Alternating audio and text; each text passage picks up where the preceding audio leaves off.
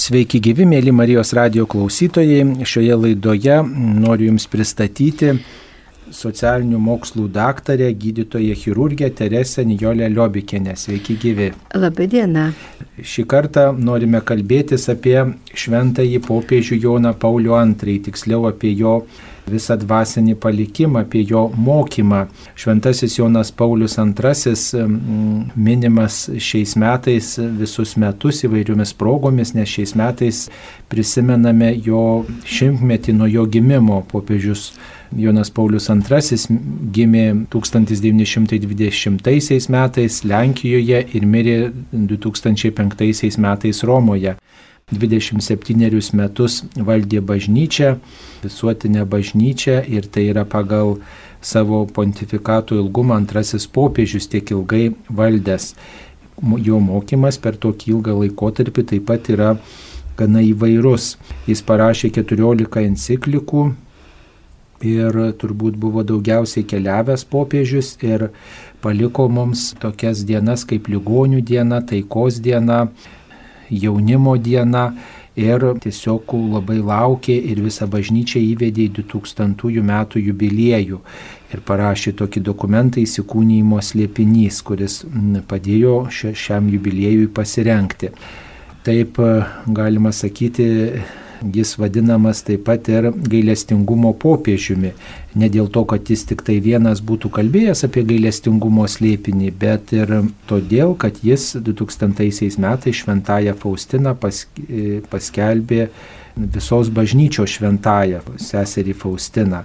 Ir tiesiog pabrėžė, kad bažnyčiai svarbu atsigręžti gailestingumo žinę ir šitą misiją skelbti kitiems. Jo valdymo metais, kai jis popiežiavo, tas Sovietų sąjungos griūtis ir tas visas nuvainikavimas komunizmo buvo didžiulė dovana daugeliu kraštų, nes dovanojo laisvę, tikėjimo laisvę ir galimybę atgauti nepriklausomybę daugeliu kraštų. Taigi taip trumpai pristatytume popiežiaus visą tą pontifikatą, kurį jis paliko kaip didžiulę dovaną, didžiulį dvasinį palikimą. Ir aišku, galbūt norėtųsi staptilti ties tokiais pagrindiniais jo dokumentais enciklikomis. Tai yra toksai dokumentas, kurį popiežius parengė, lydimas įvairių bendradarbių, įvairių patarėjų ir kiekvieno popiežiaus enciklika yra tam tikra tokia kaip ir programa, į ką jis atkreipia dėmesį, kas jam svarbiausia yra išdėsto vienu ar kitu klausimu tokį oficialų bažnyčios mokymą. Tai iš tų keturiolikos enciklikų pirmoji yra Redemptor hominis, žmonių atpirkėjas, parašyta 1979 metais, tiesiog vieniems metams praėjus po jo išrinkimo popiežiumi. Ir atkreipia dėmesį į patį svarbiausią mūsų tikėjimo asmenį Jėzų Kristų, per kurį mes pažįstam Dievą ir kuris mums atneša atpirkimą. Aišku, apie kiekvieną encikliką galima būtų labai ilgai kalbėti, tačiau galbūt jums viena ar kita enciklika labiau krinta į akis, kaip jums apskritai tas visas popiežiaus mokymas, į ką jūs atkreiptumėte dėmesį iš viso to popiežiaus paveldo, kurį jis paliko visuotiniai bažnyčiai ir kurį yra proga dabar kaip tik tai prisiminti, kai minime jo šimtmetį. Ačiū labai, aš prisimenu tą jausmą, kurį teko išgyventi, nes sužinojau apie popiežius Jono, apie Karolio Vaitylos išrinkimą popiežiumi, būdama specializacijoje, tada Harkove, vienam iš traumatologijos institutų.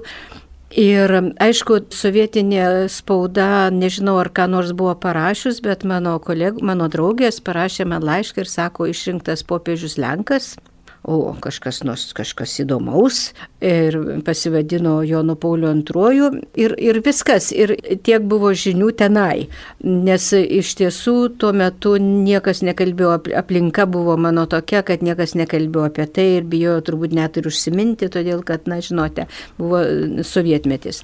Bet mane labai nudžiugino tas faktas, nes, žinot, kaip jaunystėje vis tiek tam tikra literatūra cirkuliavo iš rankų į rankas, jaunimo tarpe, kitokių žmonių tarpe. Ir mes skaitėm tą literatūrą ir tai buvo labai nuostabu ir man, buvo, man pateko į rankas Karolio Vaitylos knyga Meilė ir atsakomybė. Tai buvo turbūt, na, toksai galbūt savilaidinis vertimas iš lenkų kalbos, bet aš žinau, kad aš gavau vienai nakčiai, nes reikėjo taip pat atiduoti kitiems. Ir žinot, kaip aš perskaičiau šitą knygą, tai man tiesiog, au, aš radau atsakymus į daugybę klausimų, kurie man kildavo kadangi vis tiek kiekvienas žmogus galvoja ir apie meilę, ir apie santoką, ir apie kitą žmogų, ir apie save, Ir kildavo labai daug klausimų. Ir čia staiga e, popiežius, aišku, labai kaip mokslininkas, kaip filosofas ir gilus filosofas, jisai kalba apie žmogų kaip, kaip asmenį, tas kaip, kas, kas tai yra žmog, žmogaus asmuo. Jisai kalba apie meilę, jisai kalba apie seksualumą ir kalba labai taip aiškiai, nieko neįdėdamas į vatą, bet pasiremdamas šventojų raštų ir, ir, Žinau, kad tą naktį man įstrigo viena labai tokia frazė, kurią aš perskaičiau, kad meilėje negali būti išnaudojimo, kad žmogus negali būti naudojamas kaip daiktas. Ir žinot, tai buvo, wow, ojei, ką aš čia perskaičiau, tai dabar reikia ieškoti ir ieškoti ir, ir, ir, ir skaityti toliau, bet na, per vieną naktį tai, žinot, nelabai, bet vis tiek Man padarė tokį įspūdį, todėl kad dirbdama tuo metu gydytoje aš pamačiau iš tiesų, kaip yra žmonės naudojami kaip daiktai ir ypatingai vyro ir moters santykiuose. Ir tas buvo, žinai, tu privalai, tu turi, man reikia ir taip toliau. Ir kadangi atydavo moterys, jos paprastai turbūt pajausdavo, kad jos gali pasikalbėti ir apie kokius nors kitus dalykus gydimo procese, aš mačiau tą tokią, nu, tokią didelę, ir tas būdavo jo, nu, čia yra tokia pareiga, žinai, čia, čia niekas ne, ne, neklausė. Tada man kažkaip, va, ta pirmoji knyga, pirmas susitikimas su Karoliu Vaityla buvo man o, aš turiu ieškoti, aš turiu ieškoti kitų jo knygų. Tikriausiai Lenkijoje yra, bet aš lenkų kalbos nemoku, bet gal. Ir kai sužinau, kad jisai tapo popiežiu, man, man atrodė, kad, oho, šitas popiežius turbūt bandys atsakyti, paaiškinti žmonėms ir bažnyčiai tam tikrus klausimus, kurie galbūt iki tol jie buvo laikomi svarbus, bet taip trupučiuką buvo nepatogu apie kai kurios dalykus kalbėti, gal kažkaip žinoti geriau apie kitus dalykus kalbėti. Ir žinoma, tas lūkestis mano. Ir be abejo, kad jisai padarė dar didžiuliai tokį įspūdį kaip žmogus, kuris yra pačiam jėgų žydėjime ir jisai yra, na, toksai, matosi turintis humoro jausmą ir geras kalbėtojas ir toksai bendraujantis ir matosi, tu negali užhipnotizuoti kitaip, gali blogai užhipnotizuoti minės, kaip darė toksai Hitleris ar ne, bet čia matosi kitoks tas prieimas prie žmogaus ir tai kažkaip man visą laiką buvo tokia viltis, kad oho, dabar mes sužinosim tam tikrus dalykus, labai aiškiai. Ir žinoma, visos jo enciklikos yra įspūdingos, bet aš galbūt daugiau sustočiau prie tų enciklikų, kurios mane tiesiog, nu, kaip palėtė ir kaip tuo metu specialistė ir kaip, kaip dirbančia su žmonėm, kurie ateina su savo skausmais ir su klausimais, su atsakymu į klausimais, labai aiš, aiškiais atsakymais, ką tokiu atveju bažnyčia kalba ir apie ką mes turime irgi galvoti ir negalvoti, kaip pakeisti bažnyčios mokymą, kad mums būtų patogiau, kas dabar panašu labai dažnai daroma, bet tiesiog pagalvoti apie tai, pamastyti ir priimti. Tai viena tokių, na aišku, tas apaštalinis paraginimas familiaris konsorcijo buvo irgi labai įspūdingas, tai lietė tiesiog šeimą ir jo uždavinius, Bet man padarė labai didelį įspūdį ir buvo labai reikšminga, tai yra jo gyvybės evangelija arba evangelium vite. Ir čia yra keliais aspektais. Vienas aspektas, kad jis labai aiškiai, žinot, iš kažkur esu girdėjus, kad popiežius Jonas Paulius II yra pasakęs, jeigu ir visas pasaulis sakys, kad negimęs kūdikis yra, nu, nevertas apsaugos, ir aš liksiu vienas, aš vis tiek sakysiu tą patį. Tai va tas, tas jo požiūris į žmogų, nuo pradėjimo momento iki natūralios mirties ir kad jisai turi savo orumą ir kad su juo reikia skaitytis ir tą gyvybę saugoti, tai buvo nepaprastai svarbus dalykas. Ir kad čia tu negali žiūrėti, kaip tau atrodo, o čia galbūt lengviau. Ir kartais ypatingai medicinos bendruomenėje tai buvo taip, nu taigi taip, nu taigi ta moteriškė, kurie ateina, vyras girtuoklis, jau penki ar keturi vaikai ir dabar jinai neščia ir vyras geria, tai kaip aš turiu jai padėti, nes neprašo tokios pagalbos. Ne, ne, ne. Kad tai, kai tau atrodo, kad tu padedi, tai tu ir nepadedi, nes kaip ta moteris jausis. Tai va šita enciklika buvo tokia Vienas dalykas dar gilesnių apmąstymų enciklika, kur man buvo labai svarbu. Kitas dalykas buvo paskatinimas daryti tai, ką mes galėjom daryti, nes, kaip žinote, Karitas susikūrė, jis labai gražiai parašė, kad reikia saugoti žmogaus gyvybę, bet kaip tą padaryti? Žinote, kai blogis legalizuojamas, jis labai išplinta. Ir paskui staiga jį vėl suvaryti ten, kur jis buvo ir uždaryti negali. Nes tu gali pasakyti, kad reikia uždrausti abortus, nieko iš to nebus, todėl kad yra visuomenė visai kitaip mąstanti ir, ir, ir, ir nepasiruošus tam. Tai mums reikėjo pradėti iš naujo, bet, bet tada ypatingai Karitas paprašė kalbėti apie gyvybę, nes Aš buvau gydytoja, kitos karitietės buvo gydytos, mes drąsiai galėjom apie tai kalbėti. Ir tada jau tas mūsų enciklika popiežiaus Jono Pauliaus antrojo, jinai tiesiog davė mums įkvėpimą, paraginimą ir tokį, reiškia, kad mes, mes einam teisingų kelių, nes daug ką esame suvokę, na tiesiog intuityviai, išmastę buvo toks patvirtinimas. Kitas dalykas, kuris buvo labai svarbus, Šito enciklikoje yra kalbama ne tik apie negimusių mm, žmogaus apsaugą, ten kalbama ir apie eutanaziją. Ir man taip pat labai reikšminga buvo perskaityti apie užsispyrėliško gydimo vengimą. Ta prasme, kad žmogus turi teisę, kaip suvokiantis, nutraukti už, užsispyrėlišką gydimą, jeigu yra visiškai aišku, kad tas gydimas, na, jau tikrai ne, ne, ne, ne, lyga absoliutiškai nepagydoma ir visos kitos išnaudoti visi kiti dalykai. Tai Man atrodo, kad šitokio gydimo jisai pats atsisakė, jau paskutinį savo laikotarpį jis atsisakė važiuoti į ligoninę ir, ir, ir pasiliko e, savo kambariuose. Tai dar vienas dalykas, kuris buvo labai labai svarbus ir daugeliui moterų, kurios išgyveno tą traumą, enciklikoje popiežius kalba labai su užuojauta ir labai švelniai ir jisai sako, kad tos moterys neturi prarasti viltį, kad galbūt jų kūdikiai galbūt yra pas Dievą, nes kartais buvo mokymas, kad jie nekrikštyti, jie, jau jie bus nelabai, kaip pasakyti, amžinybė ir net tai popiežius savo enciklikoje sako, tikriausiai jie yra.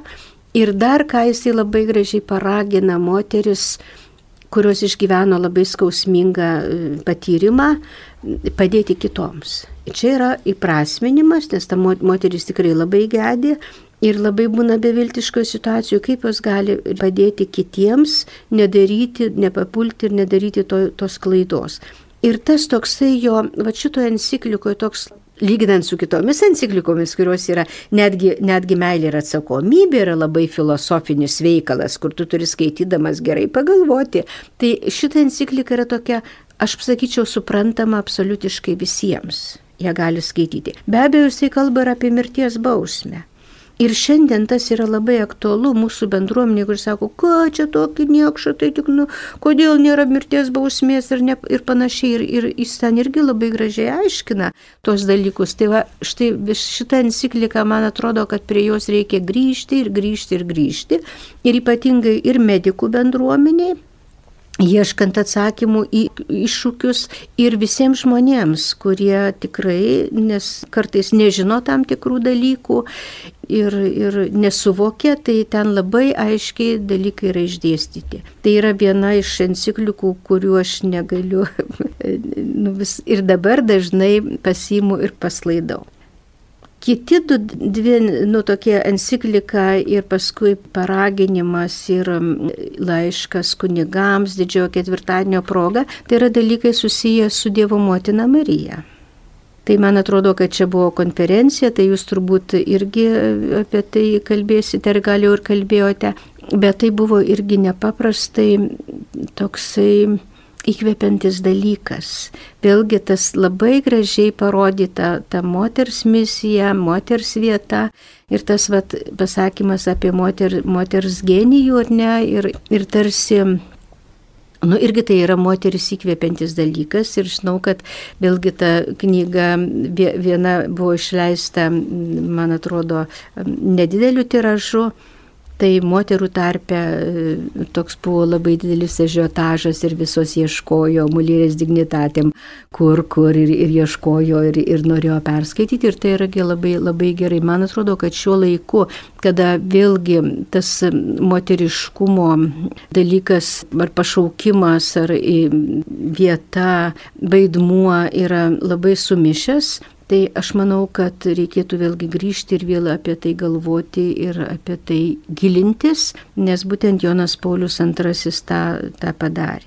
Ir jeigu jau leisite, tai nu, tokį paskutinį, nu, tokį bruožą, kuris man nepaprastai tiesiog toks kaip pavyzdys, tai Jono Pauliaus antrojo senatvė ir kančia lyga ir kančia. Ir iš tiesų jisai nepasakė nei vieno žodžio daugiau negu jisai buvo padaręs. Jisai, ko būtų vertas jo pasakymas apie, na, va, tą lygoje ir kančioje išgyvenimus, jeigu jis pats nebūtų to jų išgyvenęs. Juk šiandien mes iš tiesų dažnai matome seną žmogų, kuris yra atstumtas. Nesvarbu, kad jo protas labai veikia ir jis turi didelį patirtį, bet jis yra atstumiamas jis per senas.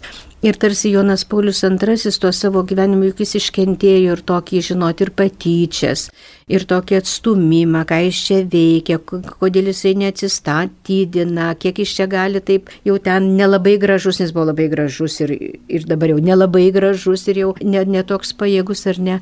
Vis dėlto šventoji dvasia jam vadovavo ir jo tikrai protas buvo gyvas ir jis tarsi parodė, kad jo pagalvokite apie ne tik apie mane, bet ir apie kitus žmonės. Ir čia vėlgi yra mums tam tikras nu, apmąstymas toksai, ką mes galėtume padaryti, kaip mes galėtume pakeisti savo mąstyseną. Nes iš tiesų dabar tas senų žmonių išstumimas, popiežius Pranciškus tarsi pratęsė savo mokymę ir sako išstumimo kultūra, tai, tai popiežius Jonas Paulius II tą išstumimo kultūrą išgyveno savo kailiu, jeigu taip galima pasakyti. Ir tai iš tiesų buvo Tai, tai iš tiesų yra apie ką pamastyti. Na, o jeigu asmeniškai, tai man labai arti teko Joną Paulių matyti, tiesiog labai arti. Veidas į veidą ir buvo keletą konferencijų Vatikane, kur aš dalyvavau. Tai žinoma, viena, vien, vienu metu jisai buvo susilaužęs ranką ir atėjo į konferenciją ir padarė pranešimą ir su tokiu gražiu humoru sako, dabar aš jūs palaiminsiu, bet aš negaliu su dešinė ranka. Tai jūs visiems galėsit pasakyti naujieną, kad popiežius jūs palaimino kairę ranką. Toks, nu, labai geras humoro jausmas.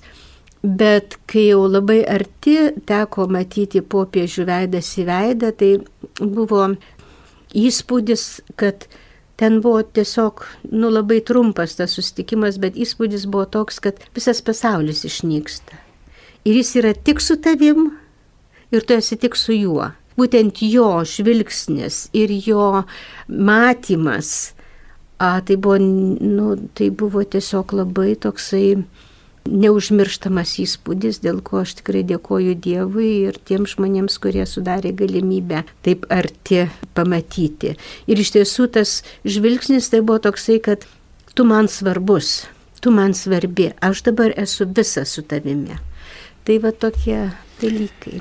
O kaip manot, kodėl popiežius e, Jonas Paulius II tiek daug dėmesio skyrė iški gyvybės temai? Ne tik tai enciklika parašė Evangelium Vite, gyvybės Evangelija 1995 metais, bet e, ir kitose enciklikose ir kitose kalbose šita vat, gyvybės tema būdavo na, kažkaip svarstoma ta pagarba gyvybei, pagarba žmogui kaip asmeniui.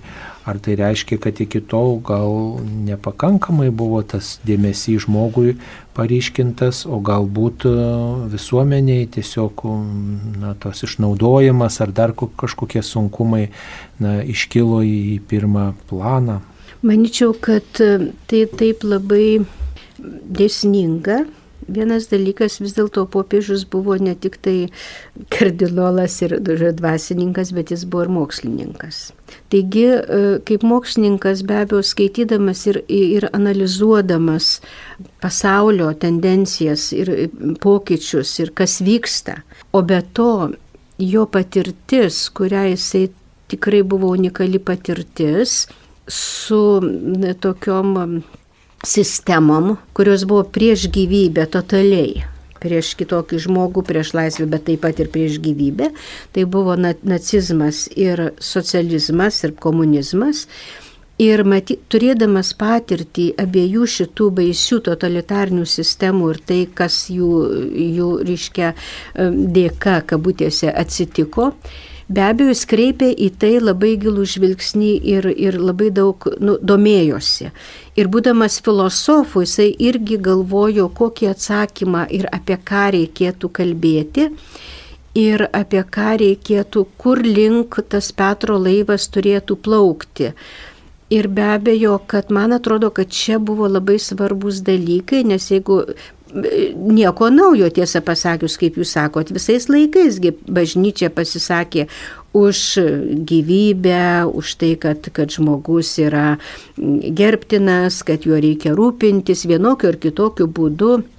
Bet tas suaktualinimas, vat, kad, nu va čia taip yra aktualu dabar, tai be abejo, kad, kad buvo ypatingai svarbus, ne tik dėl to, kas buvo įvykę, bet popiežius labai aiškiai matė, kaip vystosi technologijos.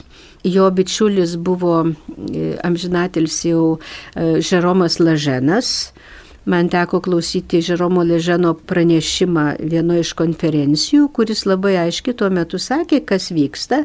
Vyksta, reiškia, na, tarp žmonių kūrimai pagal norą ir genetika, kuri labai, labai vystėsi ir vystosi, e, nusako, sudaro tokias galimybės. Ir iškia tie iššūkiai gyvybei ne tik, kad neišnyko, bet jie dar labiau sustiprėjo, jie tarsi perėjo į mikrolygmenį Nes, nu, žiūrėkite, kas dabar jis tai pranašiškai kalbėjo, ar ne, ir jo, aš galiu sukurti mėgintuvėlėje kūdikį ir ne embrioną ir tada nuspręsti, ar nu, iš čia gali, negali, nu, daugiau sukursim, ten paskui ten jau, reiškia, kurie bus tokie prasti, tai jau mes juos pašalinsim.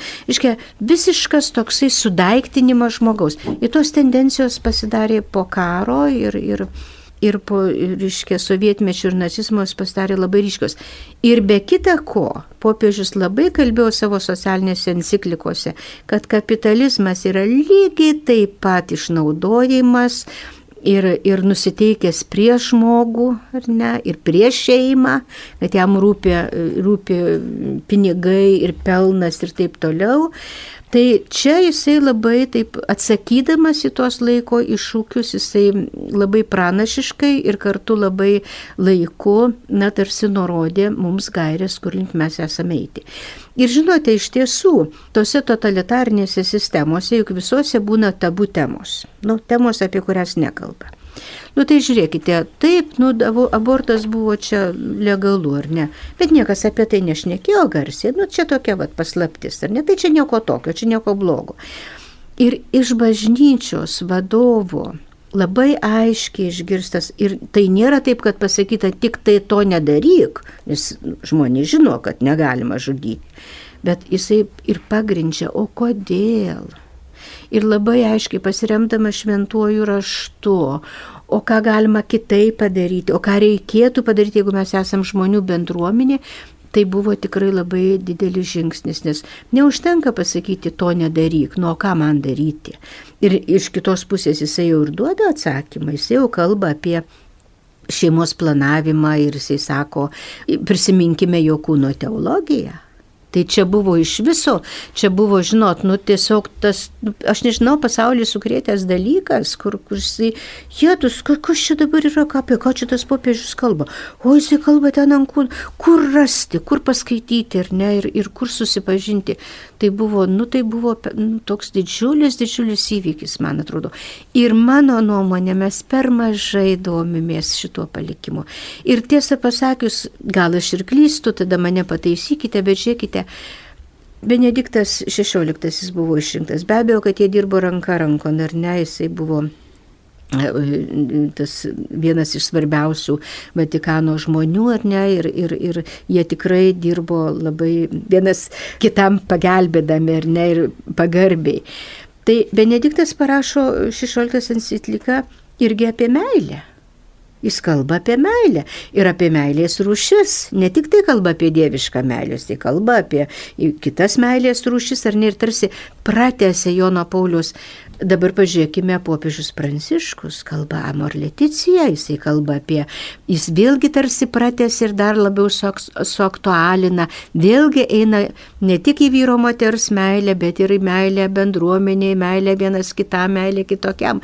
Ir tai yra vėlgi labai, man, man, man atrodo, kad tai yra tiesiog dalykai, apie kuriuos mes turime galvoti, kalbėti, diskutuoti kad tai būtų ne tik popiežius, kaip pasakė, bet kai taptų mūsų kiekvieno krikščionio savastimi, kad viduje mes tą išgyventume ir priimtume.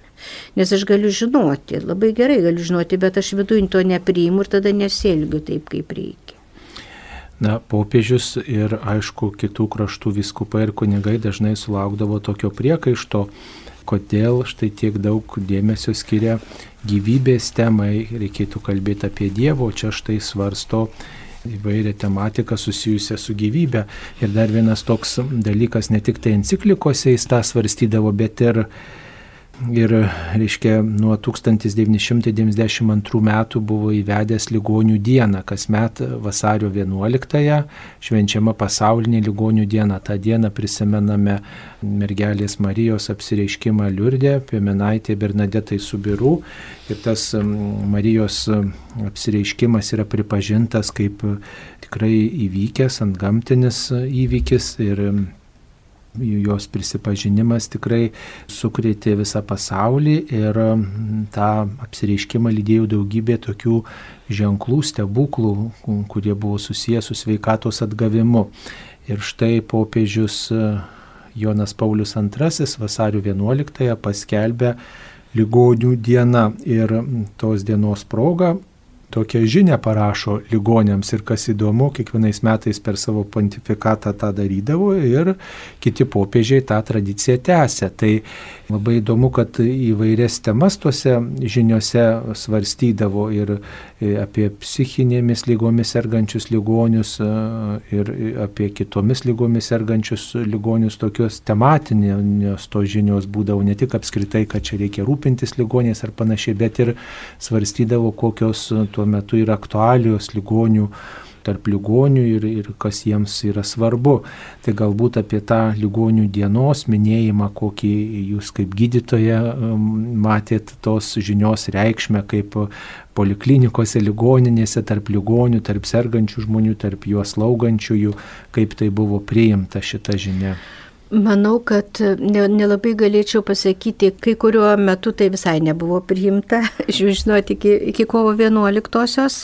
Galėjom tik tai, nu, kurie tarpusavį pakalbėti trupučiuką, reiškia, ką popiežius kalba apie gyvybę ir tada analizuoti jau su bičiuliais. Bet ligonių diena, mano galva, yra labai tapo populiari, ypatingai kada pradėjo kurtis vadinamieji hospis arba slaugos ligoninės. Ir aš žinau, kad, pavyzdžiui, Kaune slaugos ligoninė kiekvienais metais paminė tą ligonių dieną ir jie sako, mums tai yra labai svarbu. Man atrodo, kad vienas iš, iš svarbiausių dalykų, kur popiežius visą laiką akcentuoja, tai jisai tarsi tęsiasi nuo jo veikalo meilė ir atsakomybė pradžios, kai jisai kalba apie žmogaus asmenį. Ir vėlgi tai yra susijęs su tuo, kad žmogus nebu, nėra daiktas, nėra objektas, kad mes turime jį žiūrėti kaip į asmenį nesvarbu, ar jisai ligonis, ar jisai psichikos ligonimis, mes turime stengtis jam kaip asmeniui padėti. Ir čia man labai, jūs paklausėte ir labai susišaukė su tokiu dalyku, kuris nėra labai geras medicinoje, bet jis labai paplitęs kur žmogus yra traktuojamas kaip arba kaip grupės atstovas, reiškia kažkoks, nu kažkoks, vat, nu vėžininkas. Arba ten koksai, nu, psichikos, šizofrenikas. Bet tai nėra šizofrenikų, nėra, yra žmogus, Jonas, Petras, Antanas, Petrutė, kuris serga vėžiu, kuris serga tenai, reiškia, kitą lygą. Ir tada popiežius tarsi jisai atkreipė dėmesį į tai, kad sergantis žmogus, net ir labai sunkiai, ne, sergantis žmogus vis tiek išlieka asmuo. Ir kaip asmenį mes turime jį gerbti ir su juo skaitytis. Ir žinoma, galime galvoti, ne, ne, ne, gal čia nesusiję su popiežiaus, reiškia, ligonių dienos įvedimu. Bet manau, kad lašas po lašo mm, yra, galima rasti tą susijimą. Ir kur šiandien jau jaunieji medikai, na kažkaip taip jau trupučiuką bando individualizuoti arba žiūrėti į kiekvieną žmogų kaip asmenį tarsi atskirai. Ne, ne taip, kad, ai, nu tai tas, reiškia, ten tas mirtininkas tokioj ir tokioj palatoje, nes jau serga vėžių ir miršta. Iš kitos pusės jisai tarsi susiję tą medikų bendruomenę, medikų slaugytojų su tuo ligoniu. Ir, ir reiškia, tas vat, santykis, jisai gali pagreitinti žmogaus mirtį arba padaryti ją labai, ir jisai gali labai pagerinti.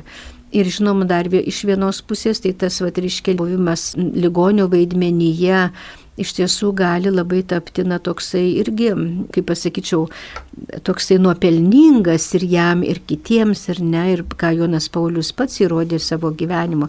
Tai man atrodo, kad čia dar irgi reikėtų labai persvarstyti, bet, žinot, jo tas mokymas, Jono Paulius antrojo, jisai, kaip ir bažnyčios mokymas, jis tapo labai gyvas. Va čia gyvastis to mokymo.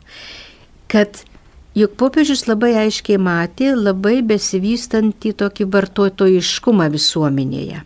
Visuomenė ta, tapo vartotojiška, reiškia po tų visų baisių dalykų ir ką reiškia, kad jinai nu, nu, nužemina žmogų, jinai jį vartoja, jinai, jinai nesiskaito.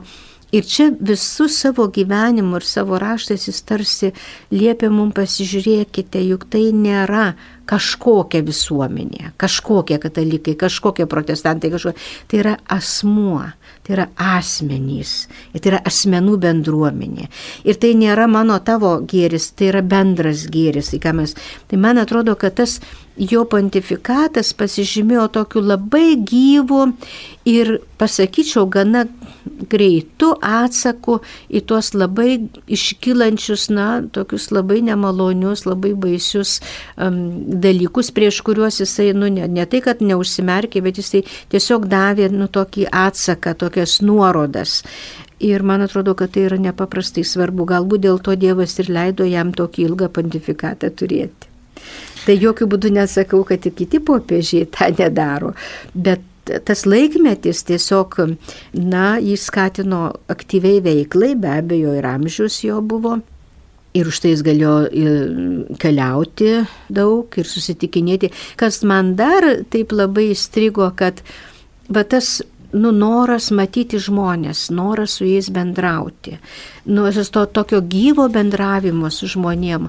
Ir man atrodo, kad iš tiesų kartais mes galvojam irgi, nu, viskas gerai dabar korona, tai, tai žinai, galima per e, šitą kompiuterį bendrauti, bet tai nėra tas, kas nuvažiuoti kur nors ir susitikti su žmonėm. Bet ir kiti popiežiai, aišku, jie nebuvo tokie e, pajėgus sveikatos problemos, bet, bet vis tiek stengiasi tą daryti, kaip beje ir popiežius Pranciškus. Turbūt pats būdingiausias bruožas būtų be, be tos gyvybės temos jo, jo popiežiavimo metais, tai yra dėmesys Dievo gailestingumui. Viena pirmųjų, antroji jo parašyta enciklika 1980 metais yra Dives in Misericordia, Dievas apstus gailestingumo. Ir, galima sakyti, pradėjo pontifikatą žinia apie gailestingumą ir taip pat savo pontifikato tokiam pakilime jubiliejiniais 2000 metais Faustina paskelbė šventąją savo tautietę, geriausiai įsigilino į tą gailestingumo slėpinį ir galų gale pats numirė dieviško gailestingumo sekmadienio išvakarėse. Tai ta žinia tokia jo skleista, tas dėmesys neįgaliesiems, dėmesys silpniesiems, tas atleidimas tam žmogui, kuris jį pasikeisino, dėmesys net ir tiems žmonėms, kurie puolė puolę buvo įvairiose srityse tas nesmerkimas ne vieno žmogaus turbūt labai jo svarbus bruožas, jo mokymo bruožas ir vat, iš tos enciklikos apstus gailestingumo tokia turbūt būdingiausia žinia, kad vis dėlto tikrasis teisingumas neprieštarauja gailestingumui, kad toje enciklikoje galima surasti, kaip sutaikomas teisingumas ir gailestingumas. Tai turbūt vienas gražiausių atradimų, kaip manote. Manau taip, nes ko gero, jeigu kalbant apie gailestingumą, tai žmonės labai dažnai galvoja, kad jeigu aš atleidžiu, tai aš turiu arba viską užmiršti, arba, nu tai čia nieko tokio, nu aš tau atleidžiu. Kad gailestingumas tai nėra sentimentalus veiksmas, nes aš esu labai geras ir aš dabar tau atleidžiu. Kad būtent popiežius ir kalba apie teisingumo ir gailestingumo tą ryšį. Ir man atrodo, jisai kaip ir visur, jisai yra gana tiksliai apibūdindamas tam tikras savokas, jas paaiškindamas labai giliai, tai ir duoda mums nuorodą, o kas tai yra. Nes iš tiesų šiandien šitam pasauliui kur mes galime pasidėti, reiškia, kaip matom, tikrai labai baisius dalykus. Ir mes galime galvoti, o jo dabar yra netai baisu, kai buvo nacijų laikais ir kai buvo Stalino laikais ar sovietų laikais. Bet tas baisumas perėjo į mikro lygmenį Ir tada vat, mes iš tiesų, kai pradedi galvoti ir analizuoti, tai tada pasidaro jau, žinot, nu kažkaip nelabai ne smagu ir tada pradedi galvoti, oho, ką čia mes be Dievo gailestingumo darytume. Aš manau, kad tas Dievo gailestingumo kulto suaktualinimas, nes nu, visą laiką kalbėjo bažnyčia apie Dievo gailestingumą, bet čia ypatingai, man atrodo, labai atitiko tą laikmetį. Ir kad, kad nu, teisingumas taip turbūt vis tiek reikia įvertinti, kad nu, kas yra blogas dalykas, tai ir yra blogas dalykas. Negali pasakyti, kad čia nieko tokio, nes aš esu gailestingas, tai aš sakau, nu tai ką jau čia nieko tokio, čia žinai, nu tai ką čia nieko panašaus. Kur yra blogi dalykai, tai yra labai blogi dalykai ir mes tą įvertinam, bet kalbėdami apie žmogų, mes sakom, nu mes vis tiek norime ir prašome ir tikimės Dievo gailestingumo, nes tada man taip jausmas toksai, kad tada mums ir Jėzaus Kristaus kančia ir atpirkimas vėlgi įgauna tarsi naują kvėpavimą, naują prasme. Štai kodėl, nes mes nepajėgus kažkaip kitaip išgyventi. Tai aš kažkaip galvoju, kad vėlgi tai yra dalykas Ir mes turime e, atlaidus gailestingumo, ko gero prie šitos enciklikos reikėtų padirbėti dar, būtent prie popiežiaus enciklikos, ką jisai ten rašo, nes man atrodo, kad mes nu, dar trupučiuką neįsigilinę esam iki galo. Na ir paskutinė jo enciklika, kurią jis parašė tarsi tokį testamentą prieš pat savo mirtį 2003 metais yra Eklezija de Euharistija, reiškia e, apie Euharistijos santyki su bažnyčia. Tai turbūt na, labai svarbus vis dėlto dėmesio atkreipimas, kad Euharistija yra ir maistas, ir vaistas, ir proga bažnyčiai statyti bendrystę. Ir turbūt dabar mes ypatingai tą galim apmastyti, kai, kai daugelis žmonių galbūt per tą pandemiją e, nutolo nuo bažnyčios lankymo, nuo Euharistijos prieimimo, kai, kai stebimi šias per informavimo priemonės turbūt tas priminimas, kad e, bažnyčia be Euharistijos jinai netlieka savo misijos pilnai ir kad e, tos bendrystės, gyvos bendrystės, kurią Euharistijoje patiriame su Dievu ir vienas su kitu, reikia mūsų tikėjimui, reikia mūsų krikščioniškam tokiam samoningumui, tikrai brandai. Ką galėtumėte apie šitą dokumentą pasakyti? Aš manau, kad čia irgi, matot, vis tiek, man atrodo, kad vienas iš tokių labai svarbių dalykų, kur mums reikėtų turbūt vėlgi grįžti, galbūt ir apmastyti, Tai man atrodo, kad reikėtų daugiau žmonės šviesti ir ugdyti, kalbant apie Eucharistiją.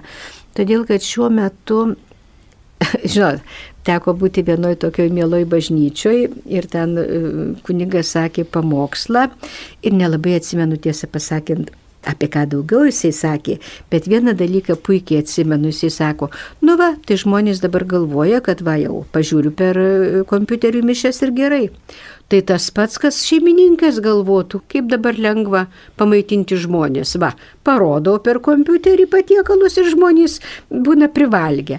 Ir tas buvo labai taiklu. Tai aš manau, kad bet žmonėm, kai kurie labai ryškiai jautė, aš, pažiūrėjau, irgi, nu, man buvo toks badas ir, ir nors iš tiesų, na, kažkaip jau ir dvasinė komunija priimi ir, ir visa kita, bet aš iš tiesų pajutau, ką tai reiškia neturėti gyvai.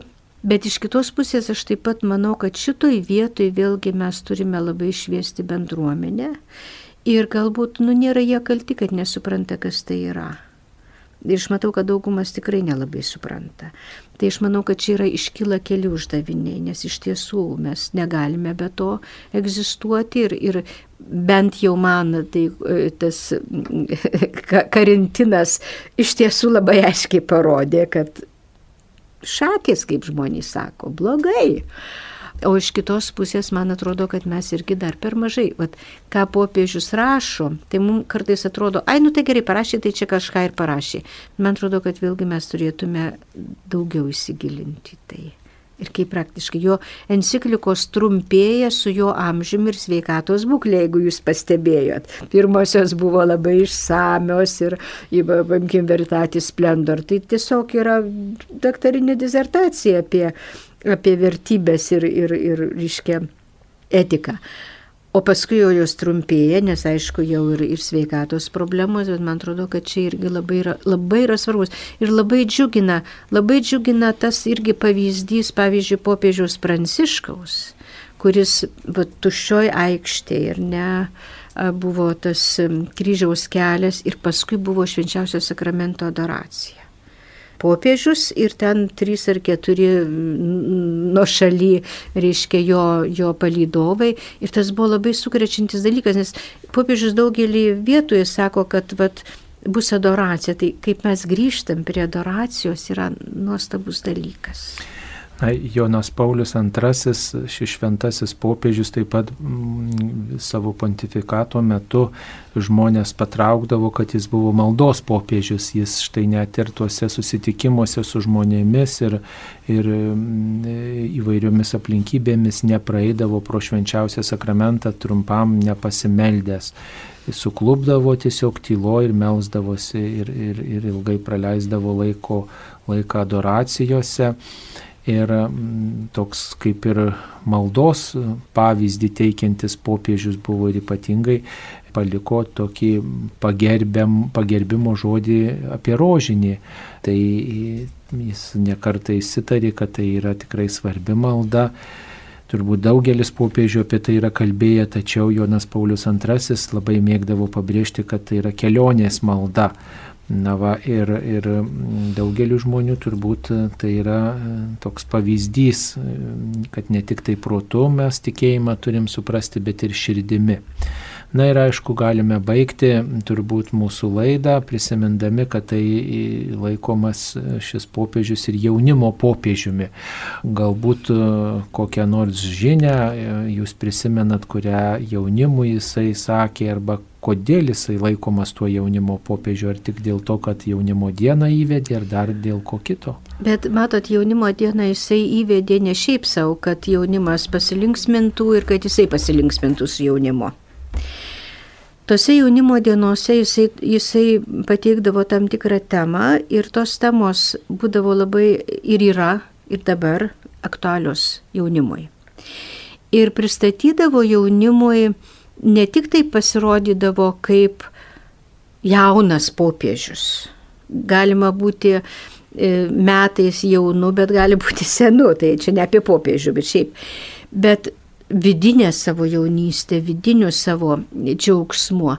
Ir jisai kalbėjo jaunimui labai suprantama kalba. Man įstrigo vienas labai toksai vieno, ne, neprisimenu kurio, sustikimo su jaunimu kalba apie tai, kad jisai sakė, žinau, kaip jaunimo tarpė dabar, reiškia, sako, nu tai va, tai reikia pabandyti, nes tai kaip tu dabar vesiesi, tai batus pasimatuoju, kaip čia dabar vesi žmoną arba ten tekėsi, nepabandžiu, žinot, pabandymas tai čia. Ir jisai vieno jaunimo sustikimo metu jisai kalbėjo apie tai. Ir jis kalbėjo labai aiškiai ir suprantamai jaunimui. Už tai jaunimas jį labai priėmė. Nes galima kalbėti labai gerus dalykus, bet tokia kalba, kur nu, aš nesuprantu, ką man sako. Tai būtent su jaunimu jisai kalbėjo taip, kad jaunimas visada jį suprato. Ir aš prisimenu, kaip jisai kalbėjo jaunimui, labai aiškiai, labai taip, nu, pasakyčiau, tvirtai, nesibardamas, bet labai tvirtai, ką pasakė. Ir jaunimas iš tiesų girdėdavo, ką jisai sako. Ir jisai labai irgi dažniausiai, reiškia, kalbėdavo ir apie meilę, ir apie atsakomybę, ir apie gyvybę, apie daugelį, daugelį dalykų, kur jaunimui buvo ypatingai svarbus. Ir tada jaunimas girdėdamas tuos dalykus, nes man dabar tas aktualu, aktualu galbūt ir apie kitus dalykus, bet šiuo metu man už tai jie taip labai ir pamilo šitą popiežių. Na ir be abejo, nekalbant jau apie tai, kad jis dainuodavo, gėdodavo kartu su jaunimu. Jisai praleisdavo gana ilgai laiko su juo, kai dar buvo jaunas ir taip toliau. Aš manau, kad jaunimui, ką šitas popiežius irgi labai pademonstravo, jaunimui yra labai svarbu sutikti žmogų ar žmonių, su kuriais jaunimas galėtų būti visiškai atviras kur drįstų klausti. Ir popiežius savo va tokiu buvimu ir bendravimu, jisai drąsino juos, jie, jie nebijojo juos, jie buvo irgi jaunimas, buvo savimi, jie šaukė, Jonai Paulio, mes tave mylim, dar ką nors. Ir tas buvo priimtina, tai nebuvo toksai, nu, patriškai reikalavimas tokio mandagumo, žinai, ne. Jie buvo savimi ir popiežius tą priimė. Ir man atrodo, kad tai yra labai didelė pamoka tiems, kurie dirba su. Nenusileisti žemiau jaunimo, žinot, kaip sampratos, ar nepataikauti jaunimui. Aš niekad nesu girdėjus, kad popiežius būtų pataikavęs jaunimui. Pasakyti tiesą, vis pasakydavo tiesą tvirtai ir su meile. Ir tai būdavo aišku. Tai man atrodo, čia yra svarbiausia žinia, ypatingai dirbant su jaunimu. Mėly Marijos radio klausytojai, minėdami Jono Pauliaus antrojo šimto metų gimimo jubiliejų. Šioje laidoje kalbėjome su socialinių mokslų daktarė, gydytoja Teresė Nijolė Liobikinė, pristatėme Jono Pauliaus antrojo mokymo bruožus. Jie kalbino aš kunigas Saulis Bužauskas. Visiems linkiu šventojo Jono Pauliaus antrojo globos. Ačiū sudė. Sudė.